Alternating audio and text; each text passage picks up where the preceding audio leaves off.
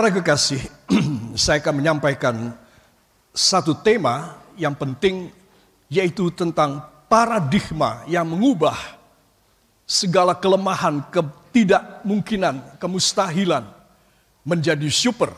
Ya, saudara, paradigma adalah sesuatu yang saya dan saudara harus ketahui sebagai sesuatu pemberian dari firman sehingga kita berubah paradigma kita yang lama sebagai manusia duniawi. Ya, saudara, dan kita hidup di kalangan keluarga kita dari sejak bayi. Maka paradigma keluarga ini mendarah daging di dalam hidup kita. Tetapi ketika seseorang dia menerima Yesus sebagai juru selamatnya, dan seseorang dia percaya kepada firman, saudara, maka dia berubah paradigmanya. Ya, saudara. Nah, paradigma adalah sesuatu yang menjadi acuan, menjadi pedoman di dalam suatu komunitas atau suatu kehidupan. Ya nanti saya akan jelaskan. Paradigma ini mengubah lemah menjadi apa? Super. Katakan dari lemah menjadi super. Dengan paradigma ilahi. Ya, saudara. Nah, inilah yang akan saya dan Anda pelajari, saudara. Dan saya ingin supaya kita akan memperhatikan satu ayat yang luar biasa ini. Ya, dari 2 Samuel 7 ayat yang ke-29. Nanti kita akan baca tapi saya akan melanjutkan dengan apakah definisi daripada paradigma. Ya, Saudara. Paradigma atau paradigm dari bahasa Latin paradigma, ya, sama seperti bahasa Indonesia sebutannya. Saudara, seperangkat asumsi. Jadi paradigma ini adalah beberapa elemen, beberapa faktor seperangkat asumsi. Asumsi itu adalah sesuatu konsep, pemikiran, konsep, nilai, dan praktek. Ya, saudara, yang harus diterapkan dalam suatu komunitas yang sama. Jadi komunitas barangkali um, komunitas sepedaan, ya, cycling. Nah, itu mempunyai paradigmanya apa? Tidak boleh di jalan besar yang ramai, harus di pinggir jalan, menyeberang juga harus lihat. Ya, saudara, beda dengan paradigma dari kelompok perenang. Ya, saudara. Nah, masing-masing komunitas ini mempunyai rule, mempunyai aturan dan definisi masing-masing. Saudara, tetapi setiap komunitas dia harus punya paradigma supaya membuat ini komunitas menjadi satu hati dan bisa berhasil sesuai dengan apa mereka itu berkelompok. Ya, saudara. Nah, jadi paradigma kita sekarang ini adalah seperangkat asumsi, konsep, pemikiran, nilai, dan tindakan yang harus sama. Apa paradigma kita? Yaitu firman Tuhan. Jadi firman Tuhan adalah paradigma yang akan membuat segala kelemahan kita, ketidakmampuan menjadi super dalam hidup ini. Ya, saudara. Nah, ini adalah pengantar dari paradigma.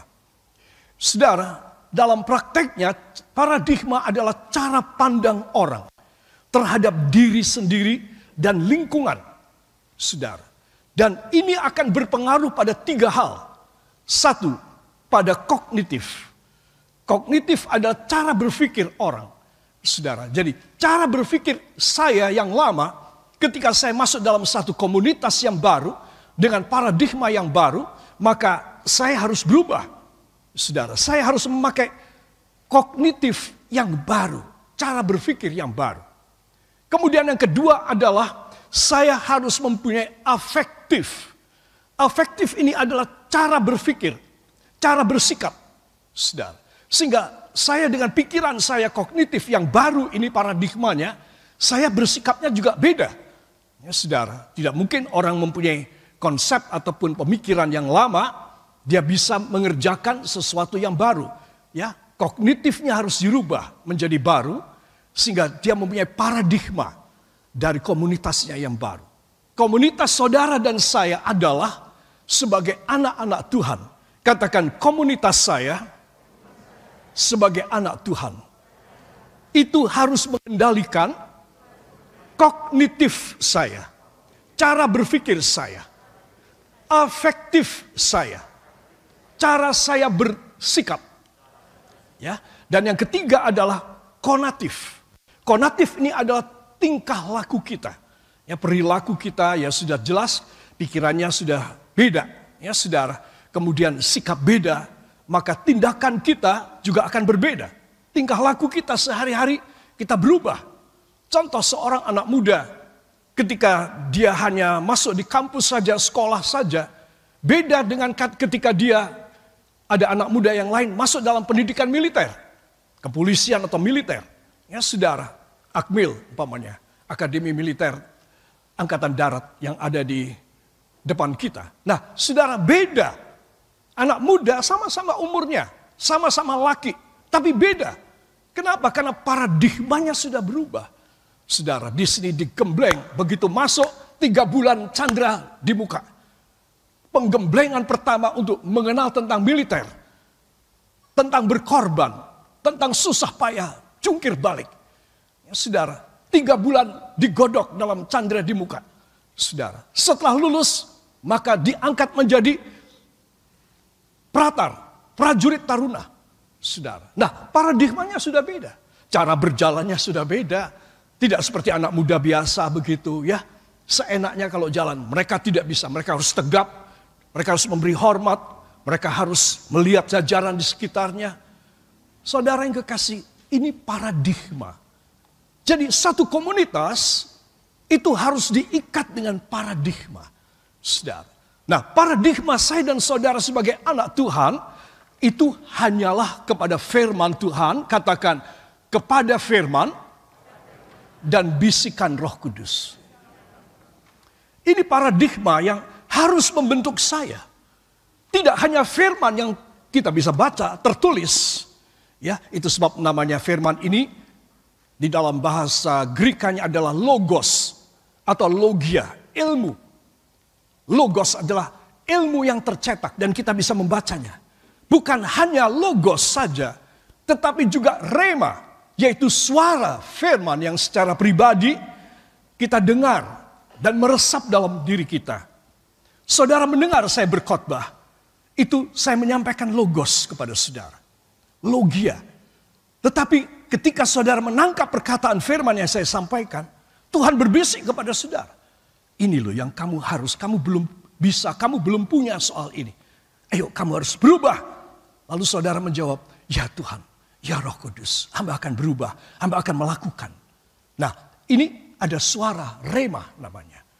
Ya saudara, jadi setiap orang di dalam komunitas kita sebagai anak Tuhan, kita harus mempunyai paradigma. Supaya apa? Supaya kita, baik cara berpikir kita, kognitif kita, afektif kita, cara bersikap, sampai dengan konatif kita bertindak, perilaku kita, saudara, sudah beda sama sekali. Saudara, seperti contoh saya tadi, sama-sama anak muda, tetapi dididik dalam akademi militer. Saudara, angkatan darat, angkatan laut, angkatan udara umpamanya. Sudah beda. Saudara, ketika mereka kumpul lebaran sama-sama sudah beda. Tidak bisa sama. Ya, saudara. Nah, di sini kita melihat bahwa paradigma inilah yang saya dan saudara harus punya dan pegang. Itu sebab tidak sedikit orang Kristen, anak-anak Tuhan yang liar dan tidak bisa dikendalikan. Kenapa? Karena mereka tidak mau tunduk pada paradigma. Paradigma saya dan saudara adalah firman dan suara bisikan Roh Kudus selalu mengajari kita orang, kamu salah ini omongnya kayak begini. Lain kali tidak boleh. Nah, ini tidak ada orang yang kasih tahu saya. Roh Kudus memberitahu sama saya. Demikian juga saudara, kita belajar terus supaya kita berada pada paradigma ilahi. Katakan, saya harus belajar terus sampai ketika saya meninggal, saya lulus dengan paradigma ilahi. Seumur hidup saya. Yang setuju beri tepuk tangan bagi dia. Haleluya. Nah, itu sebab saya kembali lagi pada tema kita ya saudara. Paradigma ini yang bisa mengubah lemah menjadi super. Ya saudara, kenapa? Karena kita paradigmanya firman dari sorga yang ilahi. Yang luar biasa penuh dengan keajaiban dan mujizat dalam hidup kita. Ya saudara itu sebab saya ingin mengajak semua saudara memperhatikan bahwa betapa penting kita terikat dengan firman Tuhan. Terikat. Sehingga semua kita ada pada satu fokus, pada satu tujuan dan target. Kita tidak berjalan sendiri-sendiri. Katakan saya tidak berjalan sendiri-sendiri. Saya berjalan sesuai dengan firman. Sampai tiba di sorga. Yang setuju beri tepuk tangan bagi dia. Haleluya.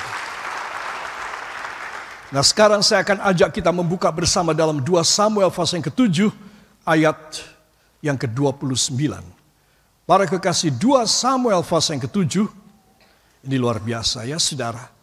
Ini adalah doa dari Daud dan ini sesuatu yang kita akan pelajari dan ini harus menjadi satu paradigma kita ya. Mari kita akan baca. Satu, dua. Kiranya engkau sekarang berkenan memberkati keluarga hambamu ini supaya tetap ada di hadapanmu untuk selama-lamanya. Sebab ya Tuhan Allah, engkau sendirilah yang berfirman. Dan oleh karena berkatmu, keluarga hambamu ini diberkati untuk selama-lamanya. Amin. Beri tepuk tangan bagi dia. Luar biasa, luar biasa. Ya saudara, pengalaman pribadi dari Daud seorang gembala. Sejak remaja sampai dia usia muda dan dia diurapi dengan minyak oleh Nabi Samuel. Saudara pengalamannya itu dari lemah, miskin, papa, tidak berdaya, tidak punya masa depan. Siapa pemudi melirik kepada Daud? Ini orang memang dari remaja dari kecil tidak punya pendidikan. Makanya suruh mengembalakan. Saya tidak tahu bagaimana, tapi memang Bapak Isai itu punya delapan anak. Tujuh anak, gagah-gagah semua. Semua masuk menjadi tentara dari Raja Saul dari Israel. Anak yang paling kecil, kasihan sekali. Dia tidak punya potongan seorang militer. Saudara, dia seorang yang badannya kecil dibanding kakak-kakaknya yang gagah, yang cakep, saudara. Dia seorang yang lebih pendek, mungkin semacam saya ini tingginya. Ya, saudara. Dan pasti tidak diterima untuk menjadi tentara Saul. Saudara, itu sebab oleh orang tuanya disuruh menggembalakan. Anak nomor delapan disuruh menggembalakan. Tujuh anak jadi tentara. Punya pangkat. Tapi satu anak terakhir gembala. Saudara yang kekasih, lihat. Dari lemah, tidak punya harkat dan martabat, tidak punya harkat dan martabat apalagi wibawa, tidak ada. Tetapi saudara tahu, ketika Tuhan mau memilih raja kedua dari Israel, Tuhan memerintah Nabi Samuel cepat membawa tanduk berisi minyak urapan. Isi tanduk isi dengan minyak urapan. Dan pergi ke keluarga Isai. Dan aku akan tunjuk kepadamu anaknya yang mana yang akan menjadi raja berikutnya dari Israel. Saudara, pergilah nabi ini yang sudah tua ini ke rumah Bapak Isai. Ya. Dan dia berkata, Bapak Isai, aku disuruh oleh Tuhan datang ke sini untuk memberikan persembahan kepada Tuhan jadi aku datang ke sini. Oh ya, ya, ya. Mari kita makan. Tidak, aku tidak akan makan sampai Tuhan menetapkan raja berikutnya dari Israel. Dari anak-anakmu akan dipilih satu menjadi raja Israel. Saudara, wah bapak dan ibu ini besar hati banget, senang sekali. Salah satu anakku bakal jadi raja. Saudara, itu sebab Nabi Samuel berkata, sekarang anakmu nomor satu suruh jalan di depanku. Keluarlah Eliab, badannya besar, ya, gagah, cakep. Kalau jalan aja tangannya gini. Ya, saudara, ya. Para kekasih dan dalam hatinya Nabi Samuel, inilah pilihan Tuhan. Inilah yang akan memimpin bangsa Israel. Tuhan menjawab dalam hatinya, bukan. kamu tidak boleh lihat wajah rupa orang dari luar. Karena aku melihat hatinya. Oh Tuhan, ampuni hamba. Bukan ini Tuhan. Bukan. Suruh lewat. Kamu lewat, Eliab. Dan kemudian yang kedua dipanggil oleh ayahnya, Abinadab. Abinadab jalan. Ya. Brak, brak, brak, brak. Ketika sampai di depan Nabi Samuel, dia stop. Ya. Ini karangan saya. Dan dalam hatinya Nabi Samuel, wah anak nomor dua juga tidak kalah gagah dan cakep nih. Ini pasti dipilih oleh Tuhan. Tuhan bilang, dasar mata keranjang, aku tidak pilih dia. Ya, suruh lewat, Abinadab suruh lewat. Yang ketiga, saudara masih bersama saya. Syama, Syama jalan. Brak, brak, brak, brak. Dia tidak mau kalah gagah dari dua kakaknya. Ya, dia lebih gagah dan kemudian dia kemudian memberi hormat kepada Nabi Samuel. Ya, ini juga karangan saya, ya. Dan kemudian Samuel berkata, "Mungkin ini karena ini tidak kalah gagah dan cakepnya. Tuhan bilang, jangan ngelihat rupa bandel.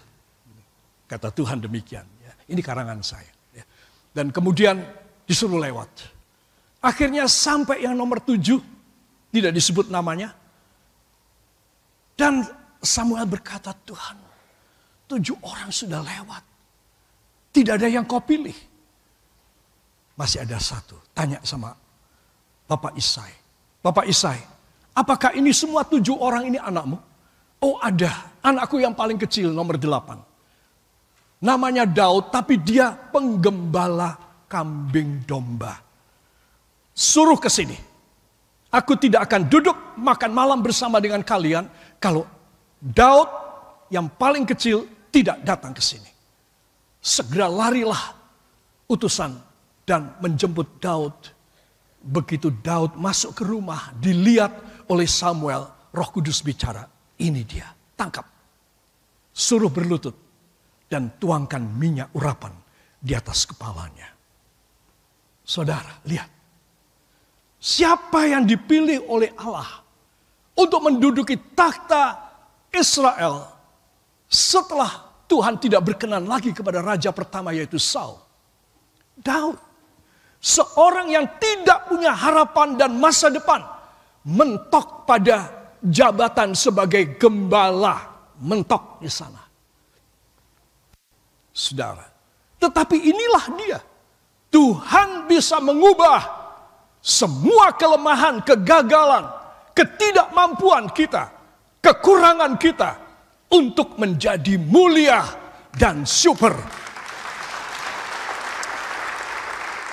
Bila ada di antara kita dan di mana pun Anda berada mendengarkan firman ini. Dan kalian merasa tidak ada kemampuan sama sekali dalam hidup. Engkau merasa the heads complex. Dan engkau tidak merasa pede sama sekali. Maka di sini ada firman yang dahsyat. Yang akan memberikan perubahan. Dari kelemahanmu menjadi super. Menjadi istimewa. Menjadi pilihan Allah Saudara, kalau saya dan saudara menyerahkan diri kepada firman-Nya, saudara, pada paradigmanya, saya yakin setiap kita pasti dipilih oleh Tuhan untuk dipermuliakan di dalam setiap lingkup hidup kita. If it's one of us surrender our life and give our heart to the Lord, then He Himself will choose us, each one of us in particular, will choose you and I, so that we will be chosen ones. Kita menjadi orang-orang pilihan. Semua kita bisa dipilih. Tidak menjadi raja, tetapi menjadi super. Katakan tetapi menjadi super. Saudara, ini menjadi kehendak Tuhan. Ubah lemah menjadi super. Kalau kita ada pada paradigma ilahi. Dan saya yakin, katakan, saya juga yakin. Ya. Dan saya yakin, puji Tuhan, katakan, saya pasti dipilih untuk menjadi super dalam sisa umur hidup saya. Amin. Haleluya. Para kekasih, itu sebab tadi saya sudah sampaikan mengenai soal paradigma, ya saudara. Dan marilah kita akan melihat ayat tadi secara lebih detail, ya saudara. Dalam 2 Samuel pasal yang ke-7 ayat yang ke-29, sekali lagi kita baca, satu, dua. Kiranya engkau sekarang berkenan memberkati keluarga hambamu ini supaya tetap ada di hadapanmu untuk selama-lamanya. Sebab ya Tuhan Allah, Engkau sendirilah yang berfirman, dan oleh karena berkatmu, keluarga hambamu ini diberkati untuk selama-lamanya. Amin. Haleluya. Dan oleh karena berkatmu, keluarga hambamu ini diberkati untuk selama-lamanya. Bila mana ada di antara kita merasa, ya kelihatannya aku diberkati sekarang. Gimana ya dengan anakku nanti? Cucuku bagaimana? Kalau aku mati gimana nanti istriku atau suamiku? Saudara, ada begitu banyak kekhawatiran, ketakutan. Saudara, saudara harus pegang di paradigma. Jadi paradigma inilah yang menuntun pikiran kita, sikap kita, tindakan kita kognitif kita, afektif kita, konatif kita. Inilah yang mengarahkan kita. Bahwa, katakan bahwa berkat Tuhan bagi keluarga saya adalah untuk selama-lamanya. Supaya keluarga saya selama-lamanya ada di hadirat Tuhan. Amin. Haleluya. Luar biasa. Terus berkat Tuhan diberikan supaya keluarga di hadirat Tuhan selama-lamanya. Sekarang pertanyaan yang besar ada pada kita. Kenapa ya kalau aku diberkati aku kepengen mundur. Kalau aku sudah dijawab doanya, aku merasa aku sudah arrive, aku sudah mapan, ya aku bisa santai ikut Tuhan. Tidak usah serius. Nah ini. Karena kita tidak bisa dipercaya. Sehingga berkat Tuhan yang Tuhan berikan terpaksa Tuhan berkata kepada malaikat, kat malaikat, sekto. Ya. Kat malaikat, berhubung anakku ini tidak bisa dipercaya setelah aku membuat semua mujizat, pembukaan jalan, mencurahkan berkat, dia mereka tidak bisa dipercaya, maka kat malaikat di-cut. Mau di-cut apa tidak? Ya, saudara. Apa sebab? Sebab ternyata berkat Tuhan tidak membawa kita lebih dekat. Berkat Tuhan membuat kita menjadi jauh. Karena sekarang kita bisa membeli mobil, kita bisa mempunyai uang untuk berwisata dan piknik. Dan karena seminggu itu hanya tujuh hari, dan tujuh hari ini hari kerjanya adalah hari Senin sampai hari Sabtu. Maka terpaksa kita harus pamit kepada Tuhan. Tuhan tolong. Ini malam minggu ya, Sabtu malam. Tuhan tolong, maafin ya Tuhan. Sorry Tuhan. Besok hamba tidak bisa datang ke kebaktian. Karena besok hamba mau jalan-jalan. Terima kasih Tuhan engkau sudah memberi mobil, Kau memberi semua, uang juga ada, tabungan semua. Kami sekeluarga sehat, kami besok pada harinya Tuhan yang kudus, kami akan berjalan-jalan. Amin. Saudara, ya. Banyak yang melakukan demikian. Saudara, coba. Ketika Tuhan memberkati, maksudnya adalah paradigmanya supaya keluarga hambamu ini boleh tetap di hadiratmu untuk untuk selama-lamanya. Tetapi kita sudah memelintirnya ada di hadiratmu untuk masa darurat. Kalau tidak ada darurat, Tuhan izinkan hambamu Mengingat Senin, Selasa, Rabu, Kamis, Jumat, Sabtu bekerja.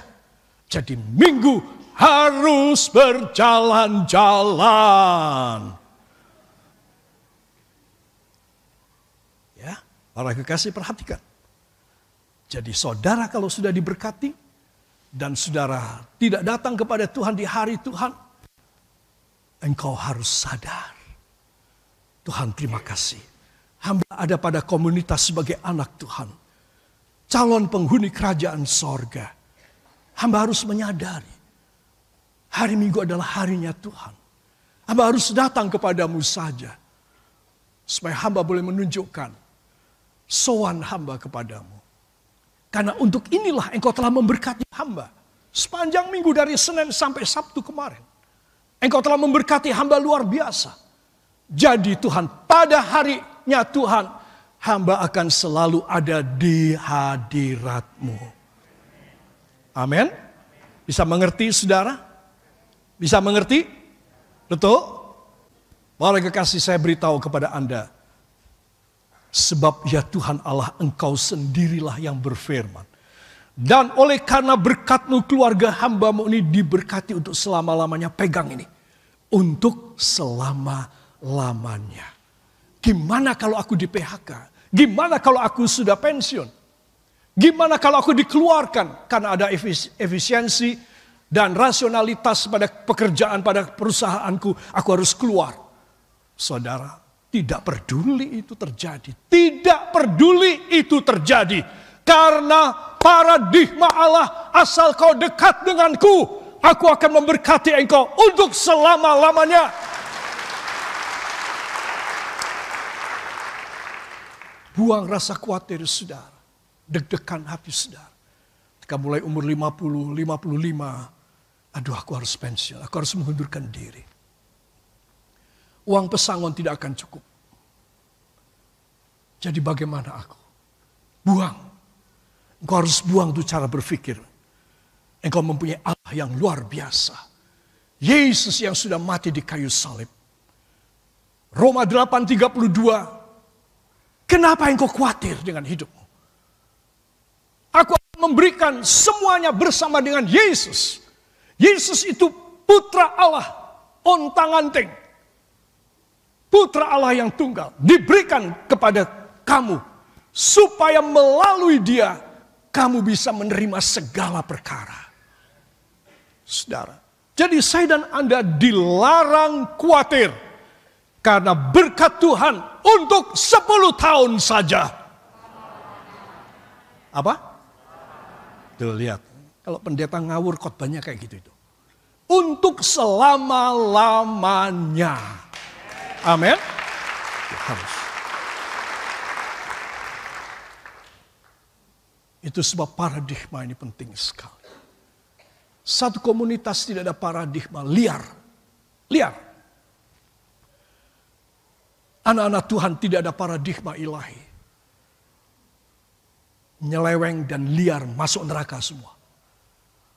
Tapi kalau saya dan Anda punya paradigma ilahi, hidup kita tertata, terjamin, terjaga, tergaransi masuk ke dalam kerajaan sorga.